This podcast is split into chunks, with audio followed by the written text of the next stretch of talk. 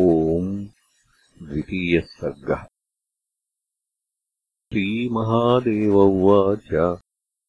लङ्कायाम् रावणो दृष्ट्वा कृतम् कर्म हनूमता। दुष्करम् दैवतैर्वापि ह्रियात् किञ्चिदवाङ्मुखः। आहूय मन्त्रिणः सर्वानिदम् वचनमब्रवीत् हनूमता कृतम् कर्म भवद्भिर्दृष्टमेव तत्। प्रविश्य लङ्काम् दुर्धर्षाम् दृष्ट्वा सीताम् दुरासदाम्। हत्वा च राक्षसान् वीरानक्षम् मन्दोदरीसुतम् दग्ध्वा लङ्कामशेषेण लङ्घयित्वा च सागरम् युष्मान् सर्वानतिक्रम्य स्वस्थोगात् पुनरेव सः। किम् कर्तव्यमितोऽस्माभिर्यूयम् मन्त्रविशारदाः। मन्त्रयध्वम् प्रयत्नेन यत्कृतम् मे हितम् भवेत्। रावणस्य वचः श्रुत्वा राक्षसास्तमथा ब्रुवन् देव शङ्काकुतो रामात्तव लोकजितो रणे। इन्द्रस्तु बद्ध्वा निक्षिप्तः पुत्रेण तव पत्तने। जित्वा कुबेरमानीयपुष्पकम् भुज्यते त्वया। यमोजितः कालदण्डाद्भयम् नाभूत्तव प्रभो वरुणो हङ्कृतेनैव जितः सर्वेऽपि राक्षसाः। मयो महासुरो भीत्या कन्याम् दत्त्वा स्वयम् तव। त्वद्वशे वर्ततेऽद्यापि किमुतान्ये महासुराः। हनूमद्धर्षणम् यत्तु तदवज्ञाकृतम् च नः वानरोऽयम् किमस्याकमस्मिन् पौरुषदर्शने। इत्युपेक्षितमस्माभिः धर्षणम् तेन किम् भवेत्? वयम् प्रमत्ताः किम् तेन वञ्चिताः स्मो? हनूमता। जानीमो यदि तम् सर्वे कथम् जीवन् गमिष्यति आज्ञापय जगत्कृत्स्नमवानरममानुषम् कृत्वा यास्यामहे सर्वे प्रत्येकम् वा नियोजय कुम्भकर्णस्तदा प्राह रावणम् राक्षसेश्वरम्। आरब्धम् यत्त्वया कर्म स्वात्मनाशाय केवलम्। न दृष्टोऽसि तदा भाग्यात् त्वम् रामेण महात्मना।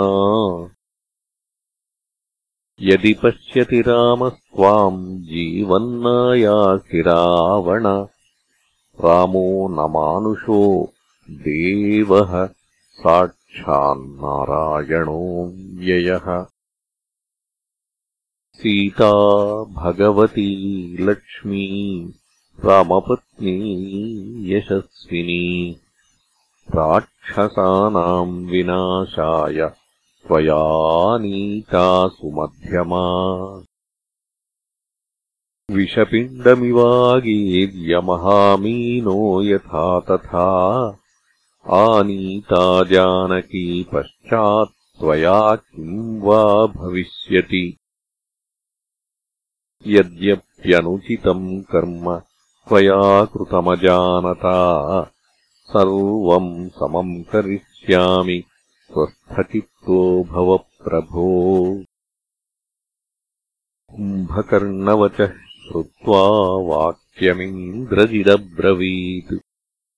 देहि देवममानुज्ञाम् हत्वा रामम् सलक्ष्मणम् सुग्रीवम् वानरांश्चैव पुनर्यास्यामि तेऽन्तिकम्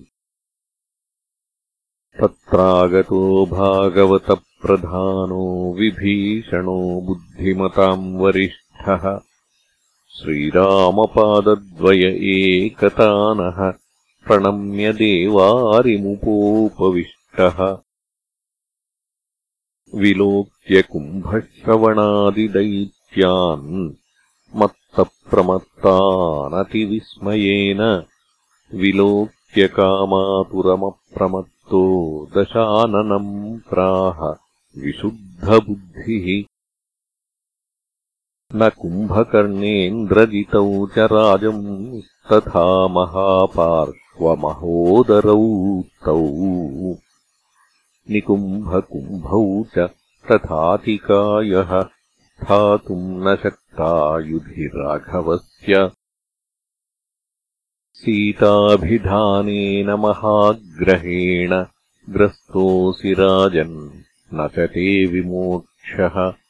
तामेव सत्कृत्य महाधनेन दत्त्वाभिरामाय सुखीभवत्वम्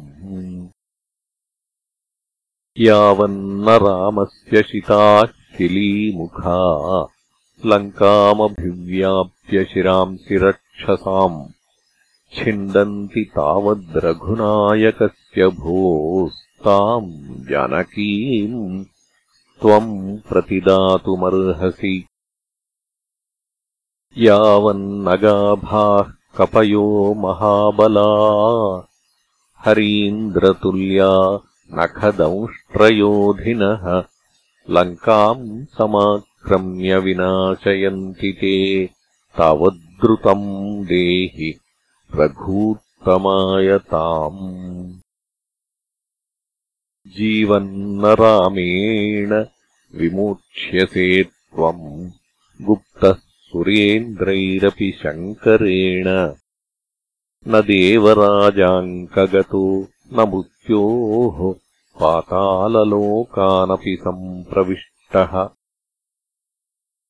शुभम् हितम् पवित्रम् च विभीषणवचः खलः प्रतिजग्राहनैवासौ म्रियमाण इव औषधम्। कालेन नोदितो दैत्यो विभीषणमथाब्रवीत्। मद्दत् भोगैः पुष्टाङ्गो मत्समीपेव सन्नपि प्रतीपमाचरत्येष ममैव हितकारिणः मित्रभावेन शत्रुर्मे जातो नास्त्यत्र संशयः अनार्येण कृतघ्नेन सङ्गतिर्मे न युज्यते। विनाशमभिकाङ्क्षन्ति ज्ञातीनाम् ज्ञातयः सदा योऽन्यस्त्वेवम् विधम् ब्रूयाद्वाक्यमेकम् निशाचरः हन्मि तस्मिन् क्षणे एव धिक् त्वाम् रक्षः कुलाधमम्। रावणेनैव मुक्तः सन् परुषम् स विभीषणः उत्पपातसभामध्याद्गदापाणिर्महाबलः चतुर्भिर्मन्त्रिभिः सार्धम् गगनस्थोऽब्रवीद्वचः क्रोधेन महताविष्टो रावणम् दशकन्धरम्। मा विनाशमुपैहि त्वम् प्रियवादिनमेव माम् धिक्करोषि। तथापि त्वम् ज्येष्ठो भ्राता पितुः समः। कालो राघवरूपेण जातो दशरथालये। काली सीताभिधानेन जाता जनकनन्दिनी। ता उभावागतावत्र भूमेर्भारापनुत्तये तेनैव प्रेरितस्त्वम् तु न शृणोषि हितम् मम। श्रीरामः प्रकृतेः साक्षात्परस्तात् सर्वदा संस्थितः बहिरन्तश्च भूतानाम् समः सर्वत्र संस्थितः। नामरूपादिभेदेन तत्तन्मय इवामलः यथा नानाप्रकारेषु वृक्षेष्वेको महानलः तत्तदाकृतिभेदेन भिद्यते ज्ञानचक्षुषाम्। पञ्चकोशादिभेदेन तत्तन्मयैवाबभौ नीलपीतादियोगेन निर्मलः स्फटिको यथा। स एव नित्यमुक्तोऽपि स्वमायागुणबिम्बितः। कालः प्रधानम् पुरुषोऽव्यक्तम् चेति चतुर्विधः। प्रधानपुरुषाभ्याम् स जगत्कृत्स्नम् सृजत्यजः। कालरूपेण कलनाम् जगतः कुरुते व्ययः कालरूपी स भगवान् रामरूपेण मायया। ब्रह्मणा प्रार्थितो देवस्त्वद्वधार्थमिहागतः तदन्यथा कथम् कुर्यात् सत्यसङ्कल्प ईश्वरः हनिष्यति त्वाम् रामस्तु सपुत्रबलवाहनम्। हन्यमानम् न शक्नोमि द्रष्टुम् रामेण रावण। त्वाम् राक्षसकुलम् कृत्स्नम् ततो गच्छामि राघवम्। मयि याते सुखी भूत्वा रमस्वभवने चिरम्